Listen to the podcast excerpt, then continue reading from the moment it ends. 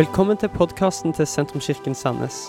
Du hører nå en tale fra en av våre gudstjenester.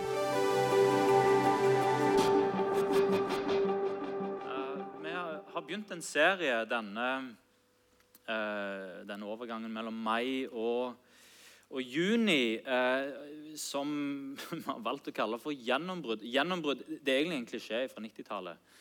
eh, der mange snakket om gjennombrudd, og det, det var så viktig med gjennombrudd. Eh, og det er egentlig et klisjéord som en kanskje det, det skal en bruke det. Men så ser en det at det er av, ja, men så trenger en gjennombrudd. Eh, og så trenger en at ting løsner i livet. Eh, og eh, jeg tror det er erfaringen til mange av oss. Det er at En går gjennom livet, og så er det noen ting som går litt i stampe. Eh, og når ting går i stampe, så trenger en et gjennombrudd.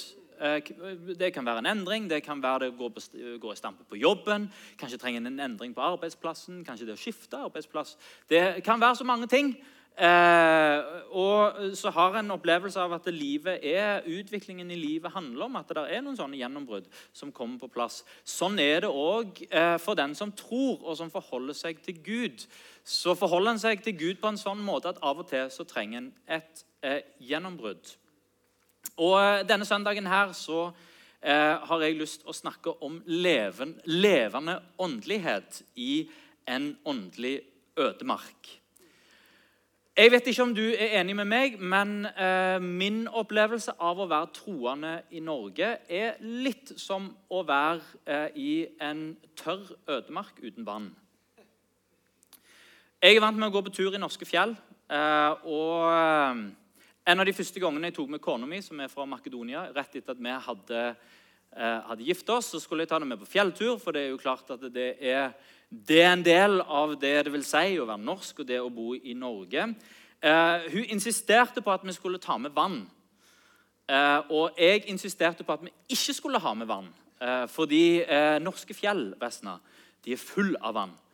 Eh, er, når du er tyster, så bare går du og finner en, be en bekk og har med deg en kopp, og så drikker du det du trenger. Og hvis når du er tyst neste gang, så er det en bekk i nærheten, og så drikker du det du trenger. Så det ble, det ble faktisk, det, det var på den, i nærheten av en krangel. Jeg lurer på om det faktisk kan være en av de første kranglene vi hadde. Og, og vi endte da opp med jeg var så sta at nei, vi skal ikke ha med vann. Og så gikk vi på tur. Eh, og så begynte vi å bli tyste. Ja, nå skal vi bare gå og finne en bekk. Eh, men vi fant ingen bekk. Eh, ikke på veien opp, ikke på veien ned. Eh, og Vi var skikkelig tyste når vi, når vi kom fram. Og siden det så har Vesna Alme går mye på fjelltur og insisterer alltid på å ha med vann. Og jeg sier ingenting. Vi tar med vann. Jeg bærer det. Men som regel så er det jo sånn at i norske fjellheimen så trenger du ikke ha med deg vann. Du har med deg en kopp. helst en sånn trekopp, fine, som står et eller annet kjekt tur på. Eh, Sist sommer, så, eller For to somre siden så gikk jeg på tur eh, i Makedonia. Eh, på et fjell som heter Eselet. Eh, grunnen til at det heter Eselet, er at det er ganske bratt eh, og det var ganske strevsomt å komme opp. Det er 2400 meter eller hva det var, på toppen. Eh, og der når vi begynte, så var det eh, 3-34 varmegrader. Eh, og så eh, blir det jo kjøligere og kjøligere jo lenger opp du kommer. Men, men Eh, men det er litt annerledes. Eh, sol og steiger. Eh, og det er bratt oppover, eh, og det er 30 varmegrader. Eh, og der er tørt overalt. Det er ikke noe som minner om en bekk engang. Eh, da er du helt 100% avhengig av at du har tatt med deg Har du glemt å ta med den halvannen liter flaske med vann, så blir det en særdeles ubehagelig opplevelse. Min påstand er at vi lever i ei åndelig tørre tid. Eller kanskje vi lever på et åndelig litt tørt sted. Eh, Og min erfaring med Gud er at livet med Gud går i bølger sånn rent personlig. Og det er uavhengig av hva som skjer rundt den. Så, eh, så eh, vil det være sånn at eh, livet med Gud det er plutselig veldig rikt og fullt av følelser og fullt av opplevelser. Masse ting som skjer, opplevelser av ting blomstrer, opplevelser av ting, ting ru- ru- ruller. Og det er, det er fint. Og så kan det gå inn i perioder hvor ingenting skjer, og hvor, eh, hvor det virker tørt, og hvor det er slitsomt, og hvor det å være en troende og forholde seg til Gud er vanskelig. Eh, og eh, som, eh, etter å ha jobbet som pastor gjennom hele mitt voksne liv, så ser en jo at det samme gjelder ikke bare rent personlig, men det samme gjelder i kirkemiljøer. Eh, og det samme gjelder sånn nasjonalt. Ting går i bølger. Det er et tiår hvor det skjer masse, og hvor det er mange kirker og mange miljøer som opplever tilsvarende ting. Eh, og så kan en egentlig bare få lov å være med å surfe på noe som Gud gjør. Eh, det er jo noen som gjerne prøver å peke på og se ja, nå skjer det ting, og bare fantastiske ledere med, og for et kirkemiljø vi har. Men så er det kanskje bare det at Gud gjør noe som en får lov å surfe på. Og så går det inn i nye faser der det er ikke sånne bølger, og hvor ting oppleves tørt. Um, jeg tror på nåde. Jeg tror at Gud skaper det han vil gjennom de han vil, uavhengig av våre kvalifikasjoner, uavhengig av vår, hvem vi er og hvor flinke vi er, om vi er flinke i det hele tatt, uh, på tvers av hvem vi er.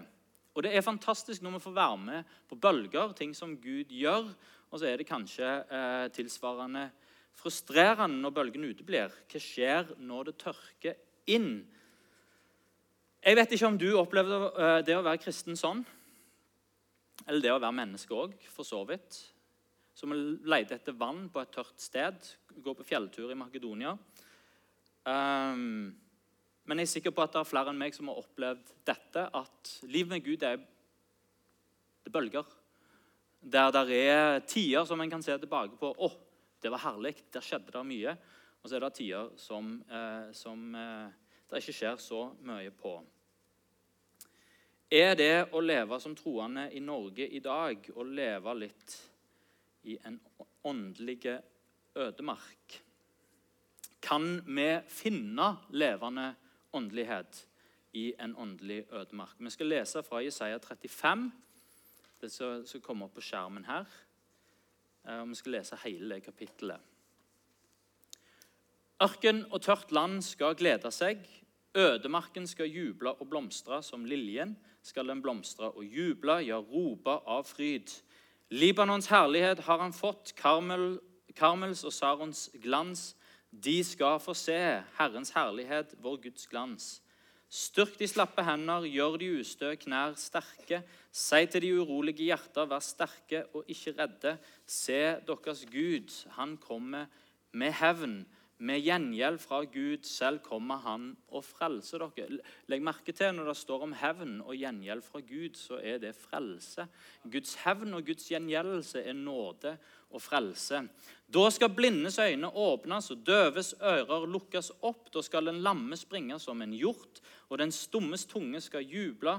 For vann bryter fram i ørkenen og bekker i ødemarken. Glødende sand blir til innsjø. Det tørste land blir til kilder med vann. Sjakalers boplass blir et hvilested hvor gresset gror mellom rør og siv. Og der skal det være en vei.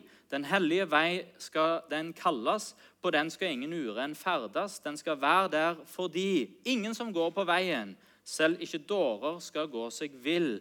Men der skal det ikke være noen løver, rovdyr eh, skal ikke gå på han. De skal ikke finnes mer, men de som er løst ut, de skal gå der. De som Herren har fridd ut, skal vende tilbake. De kommer til Sion med jubel, med evig glede om sin panne. Fryd og glede griper de, sorg og sukk må flykte.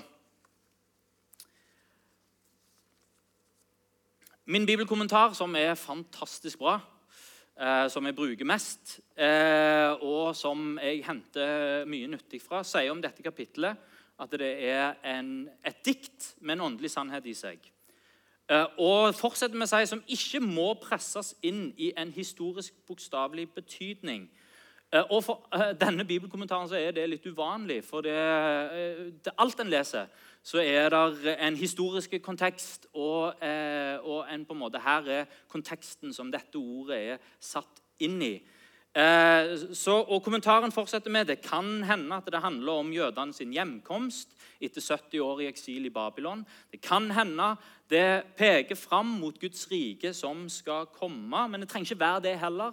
Det, treng, det, er ikke sikkert det er noe av dette. Kanskje er det et generelt ord i diktform om å stole på Gud i tørre tider.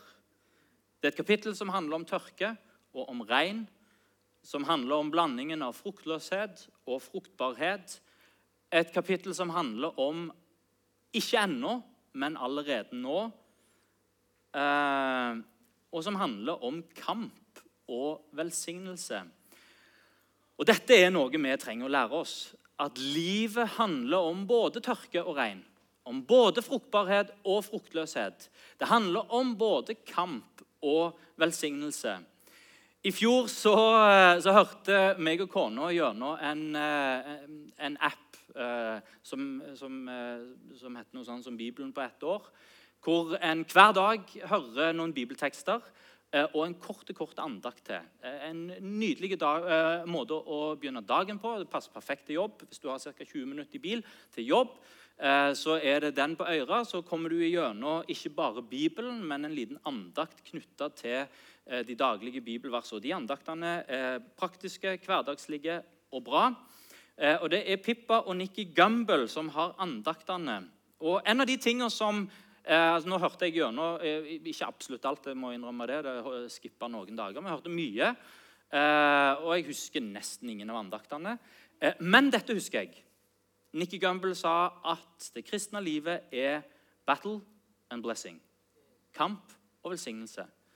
Og det er et spørsmål som vi kan spørre sjøl. Er jeg inne i en sesong av battle, eller er jeg inne i en sesong av velsignelse? Kjenner jeg på tørke, eller kjenner jeg på overflod? Bibelen er full av dette. Livet kan være en tørr ødemark, og det kan være en blomstrende hage. Og Det er akkurat det denne teksten her handler om.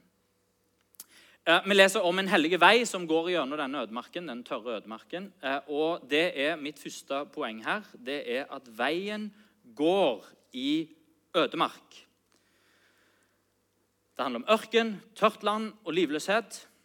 Og vi kan sammenligne dette med vårt forhold til Gud. Og Begynnelsen er at den som opplever tørke, den som opplever at ting er tørt, skal juble.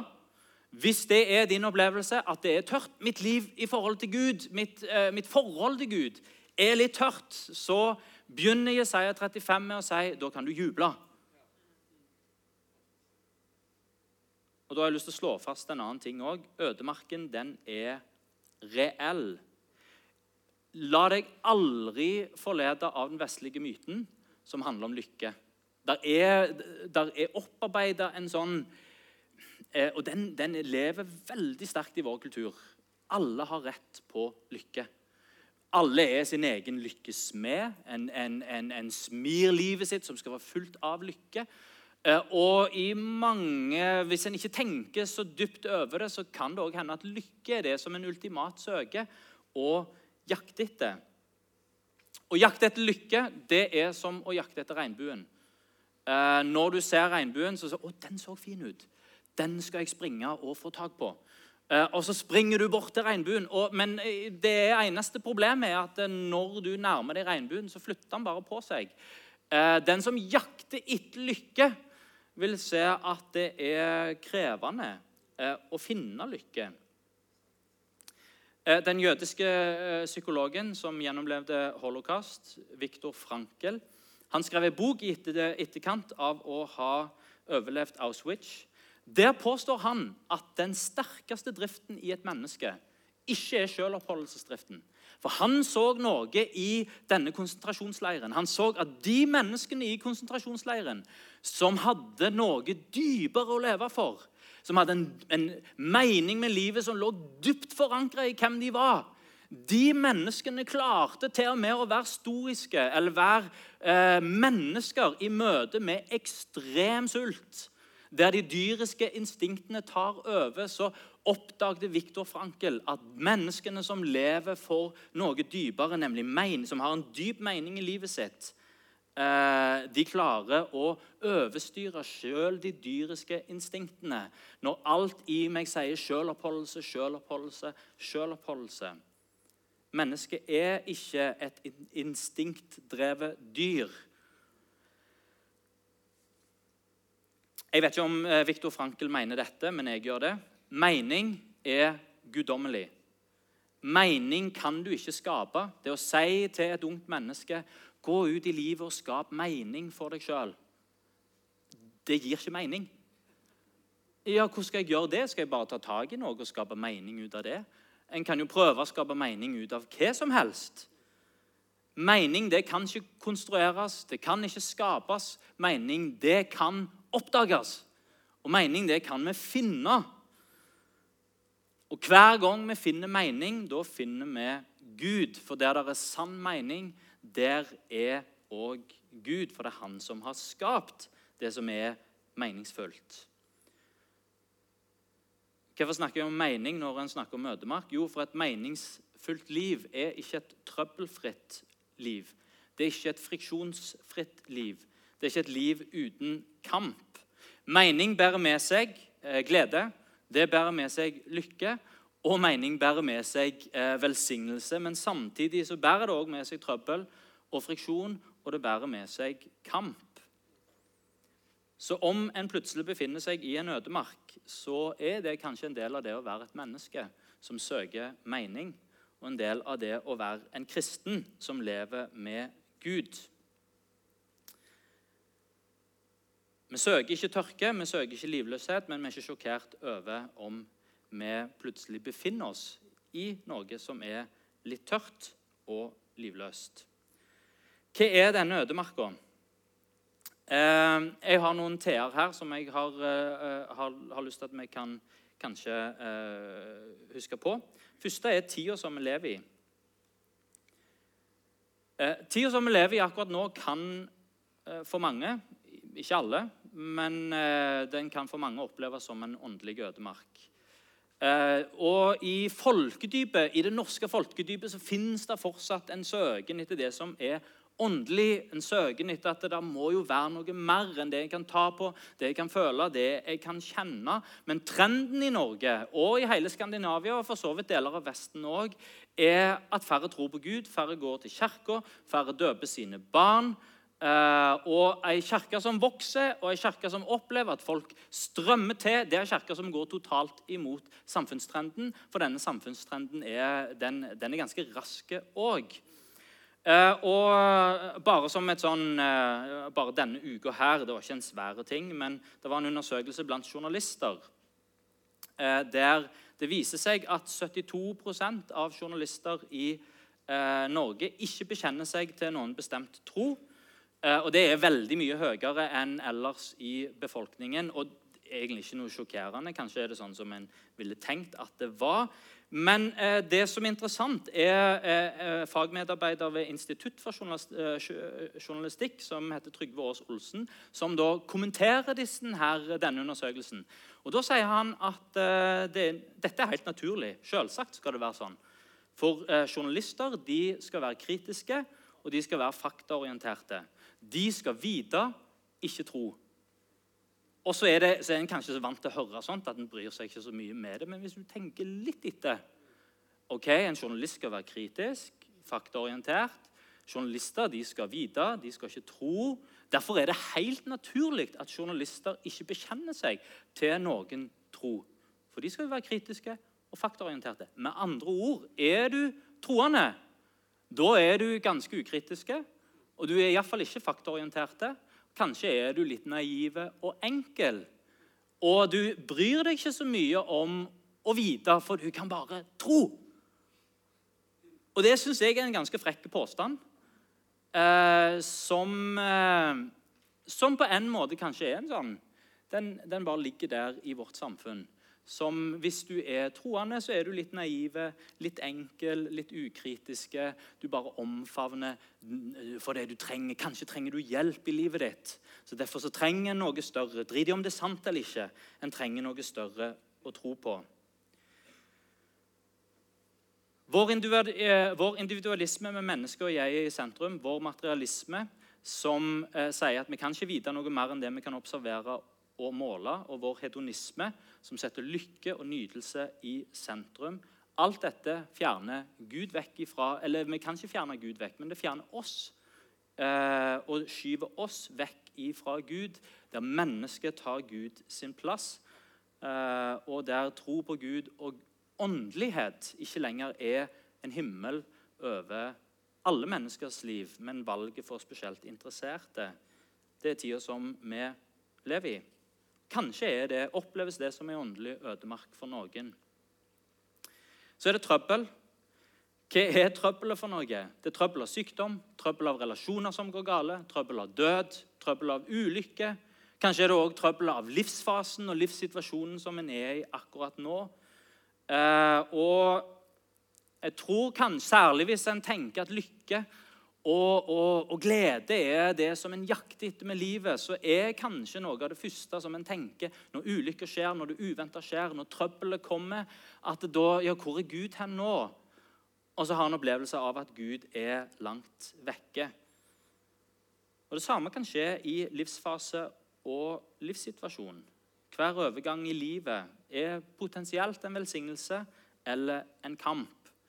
Noen sier at det å gifte seg det var det beste som skjedde med livet, med livet mitt. Det var en velsignelse så stor. Andre gifter seg og sier det var ikke det verste som skjedde i livet mitt, men det ble en kamp. Eh, og så var det ikke så enkelt som alle de andre snakket om. Noen snakker om at det å få barn det er den største velsignelse. Og så er det andre som har en helt annen erfaring og som sier det var en kamp. Og så er det noen som går og ikke gifter seg. Og så er det en velsignelse for noen, men for andre er det en kamp. Noen får ikke barn. Og så var det en kamp. Altså livssituasjonen vår, en, i, i, arbeidssituasjonen gjennom livet, eh, så kan det være en velsignelse, og det kan være en kamp. Det kan være en opplevelse av eh, eh, Trøbbel kan være en opplevelse av eh, ødemark. Eller så er det en test eller en trening. Ødemarka er en treningsplass og en testeplass. Og Det er det som en ser gjennom Bibelen. at uh, Israelsfolket, når de uh, fikk løfte fra Gud om at uh, når de var fanger i, i Egypt, det er et land som ligger klart for dere, som dere bare skal få lov til å gå inn i, så var det ikke bare å trø rett inn i det, men det var en vandring først i ei ødemark. og Jesus, før han begynte sin tjeneste, så var han 40 dager ute i ødemarken. Og Det er flere sånne fortellinger fra Bibelen om at Gud virker i ødemarken. Og det er en plass av test og av trening av vår karakter. Det bildet som vi ser her, eh, det er et bilde fra ødemarken i, eh, eh, i Judea. Og vi skal ta oss og hoppe over til neste bilde, for veien går ut av ødemarken. Nå er ikke det akkurat samme plassen, men det er i samme område. For Forskjellen på en tørr ødemark som er livløs, eh, og en eh, hage som er grønn og som blomstrer, det er bare én ting, og det er vann. Eh, og Dette kjenner en igjen nede i alle ørkenområder. Så vet en at det, ja, det er jo sånn det er. I dette tørre landskapet hvor det er ingenting, så ligger det masse frø rundt forbi. Det eneste de trenger, er bare at det kommer noe vann. Eh, og, med, og du, kan si, du, du, kan se det på Planet Earth og på, på, bra naturprogrammer. så kan du se denne her når en tar sakte film, når det har regna. Og det, det, det, skjer jo noen ganger bare i løpet av timer. Så spirer alt dette fantastiske livet fram. Tida vi lever i, har potensial for åndelig liv. Det trøbbelet som du går igjennom, har potensial for åndelig liv. Den testen som en går igjennom, har, har potensial i seg for åndelig liv. Og det åndelige livet, det er dette regnet som Jesaja 35 snakker om. Det er rett og slett Den hellige ånd. Det, ikke, det handler ikke om hvor flink du er. Det handler ikke om hvor mye du gjør og hva du får til. Det handler ikke om å være en del av det rette miljøet engang, men det handler om å koble på Den hellige ånd. Den hellige ånd er det regnet som Bibelen lover, som, som, som, som, gir liv til de tørre områdene, og som gjør at det som er tørt og livløst, der kan det blomstre fram noe som er vakkert og fullt av, eh, og fullt av liv. Jeg har ofte spurt meg sjøl hvorfor skjer det mirakler. Hvorfor gjør Gud så eh, tilsynelatende så mange store ting i mange rare miljøer? Eh, hvor jeg, I alle dager, hva er det dere driver på med? Og hva er det dere sier? Uh, uh, og så, ja, men hvorfor skjer det ting her? Eh, og, hvorfor, og jeg kan ikke svare på det på noen annen måte enn at i mange av disse miljøene så finnes det en lengsel etter å møte Gud. For Gud møter oss i vår lengsel når det er tørt i livet vårt. når trøbbelet går igjennom, leder meg mot Gud. Når tida jeg lever i, livsfasen jeg er i, leder meg mot Gud. Gud, jeg lengter etter deg. Lengter etter at du skal fylle opp livet mitt. Da responderer Gud mye mer på vår lengsel enn på hvor flinke vi er, og hvor rette ting vi sier, og hvor bra alt og hvor masse alt er på plass. Og Vi må huske på at Gud han er nådige. Og Han ser i nåde til ethvert menneske. Og Det at Gud gjør noe i et menneskes liv, er aldri en bekreftelse på at alt er rett i det menneskes liv. Kanskje det er mye som ikke er på plass, men det fins der en lengsel og et ønske om å møte Gud, og Gud responderer på våre lengsler. På torsdag så er det Kristi himmelfart. Jesus sa til sine disipler, eh, ikke rett før Kristi himmelfart, men han sa det i god tid før sin døde oppstandelse, det er godt for dere at jeg drar, for da kommer talsmannen. Og talsmannen han skal lære dere alle ting. Han skal veilede dere. Den hellige ånd skal være med og gjøre Jesus sine ord levende og Etter at Jesus drog for å være med sin far, så feirer vi pinse. altså Etter Kristi himmelfart så feirer vi pinse. Da feirer vi at disiplene ble fulgt av Den hellige ånd. Eh, og eh, Det var begynnelsen til kirka. Kirka sin fødselsdag er ikke julaften. Kirka sin fødselsdag er faktisk heller ikke første påskedag, men kirka sin fødselsdag det er første pinsedag. Når Den hellige ånd kom over disiplene, da ble kirka forma. Eh, og Da skjedde det noe i disse disiplene. De ble frimodige. Eh, det skjedde mirakler. Der står de talte i tunger. De hadde tunger av ild på hodet, og, eh, og, ikke bare forkynte de frimodig akkurat da, men de drog ut til alle kanter av, eh, av verden og etablerte kirker eh, og gjorde Jesus og troen på Jesus kjent eh, alle steder. Profeten Joel han så inn i framtida og sa at det, det kommer ei tid når Gud skal utøse sin ånd over alle mennesker.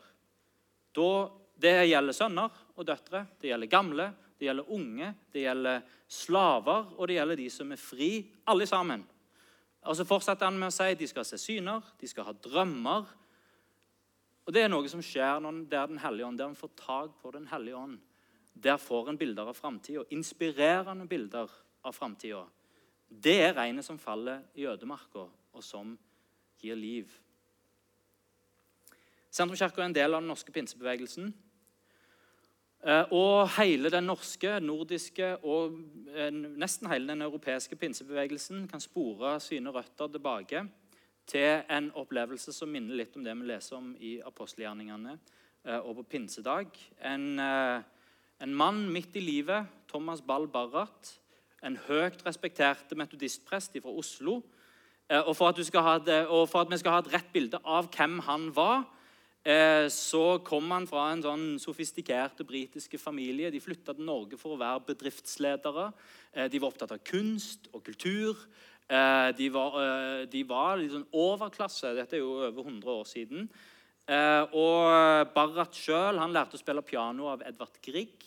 Eh, så, så En ser for seg litt sånn engelsk middelklassehjem, kunst, og en snakker fint og sitter og spiller piano og en kler seg bra. Dette er den respekterte metodistpastoren som da, eh, som da står i masse herlige ting i Kristiania, som det heter da. Eh, og som hadde et stort prosjekt. Han skulle bygge et svært hus som skulle hjelpe fattige og skulle være et sånn diakonalt hus i Oslo. Eh, og For å få penger til det så gjør du selvsagt det som alle fornuftige mennesker gjør når du trenger penger. Du drar til USA.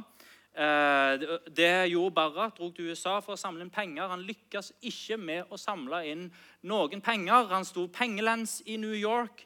Eh, men der så leste han om at Gud gjorde noe akkurat nå.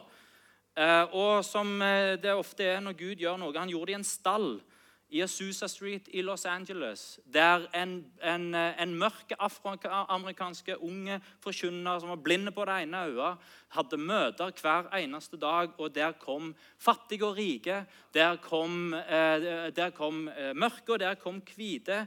Eh, der samla folk seg, og folk møtte Gud. Folk kom fra hele Amerika og deler av verden òg.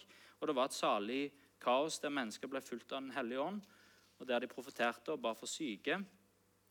Eh, og det som samfunnet rundt la merke til, var at det skarpe raseskillet som da fantes i Amerika på den tida, det opphørte i Asusa. Der kom en sammen fra alle etniske grupper. Der var det ikke mann og kvinne. Her, der var det ikke fattig og rik. Der var det ikke ulike folkegrupper. Men der var alle ett i Kristus. Og Barat leste om dette og fikk bare en enorm lengsel. At Gud, du må møte meg. Men jeg har ikke penger til å dra til Asusa. Men Gud møtte hans lengsel, og han fikk dette møtet med Den hellige ånd på sitt hotellrom i New York. Dro hjem til Norge og åpna møter på lille julaften 1906. Og Folk hadde hørt om hva Barrat opplevde i USA, og de strømte til. Og så skjedde akkurat det samme i Oslo. Der ble folk fulgt med Den hellige ånd. Og Folk begynte å profetere, og det skjedde mirakler. og Noen talte i tunger. Og Folk kom fra hele Skandinavia og kom fra hele Europa til Oslo eller til Kristiania for å være med på disse møtene. Og det spredde seg en pinseild over hele landet vårt, over hele Skandinavia, over Europa. Og det som ikke mange er klar over, det er at pinsebevegelsen store deler av verden har sine røtter fra det som skjedde i Oslo for litt over 100 år siden. Gud responderer på lengsel. Og Den hellige ånd responderer på lengsel.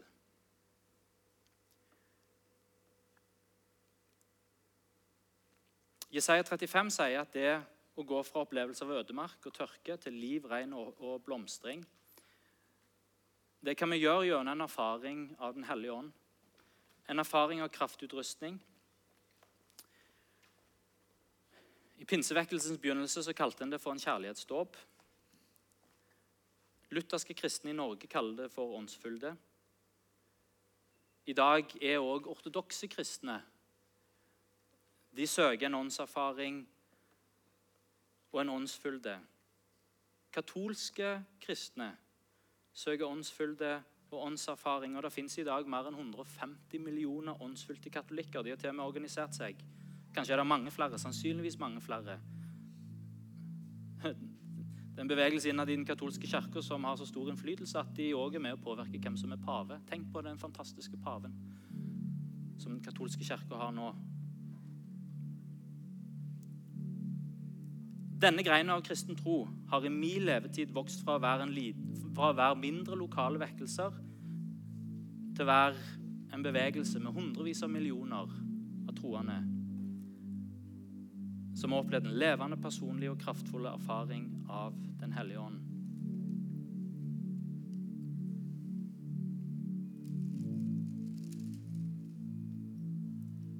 Når jeg var elleve år, så ble jeg bedt for med håndspåleggelse. Da hadde jeg tatt min bestemmelse om at jeg, jeg, jeg, vil tro på Jesus. Jeg vil følge han. Det var noen som la hendene på meg og ba, og det skjedde noe. Jeg begynte forsiktig å tale i tunger.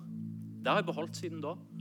En del av min, mitt daglige bønnespråk. Det er, det er, ikke noe mystisk. Ja, det er litt mystisk. Ta det tilbake. Det er mystisk. Det er ikke noe farlig. Det er et bønnespråk hvor jeg kan kommunisere direkte med Gud. Det er ikke noe med at en mister kontrollen. eller noen ting som helst. det har full kontroll. Men det skjedde noe mer. Det var en glød for å fortelle andre om Jesus. Jeg ble frimodig overfor de i klassen. Og det skjedde noe mer òg. Jeg leste Bibelen, og så Jeg forsto det som, som sto der. Det ga mening. Bibelen ble levende.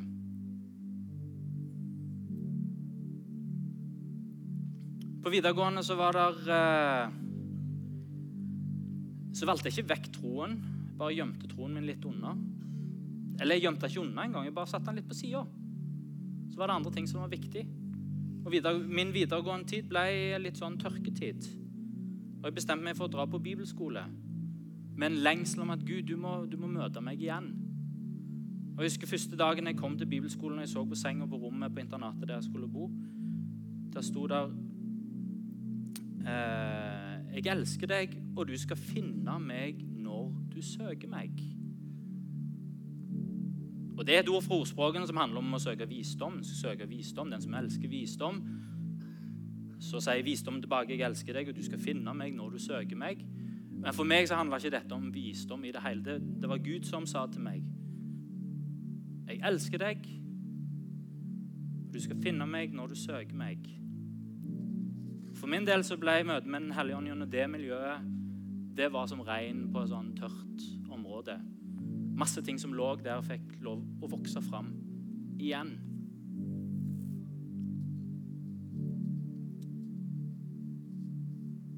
Tørr ødemark uten liv. Kan med litt regn bli til liv og overflod. Og Jeg har lyst til å oppmuntre oss til å gå på denne veien. Gå på denne veien av levende åndelighet.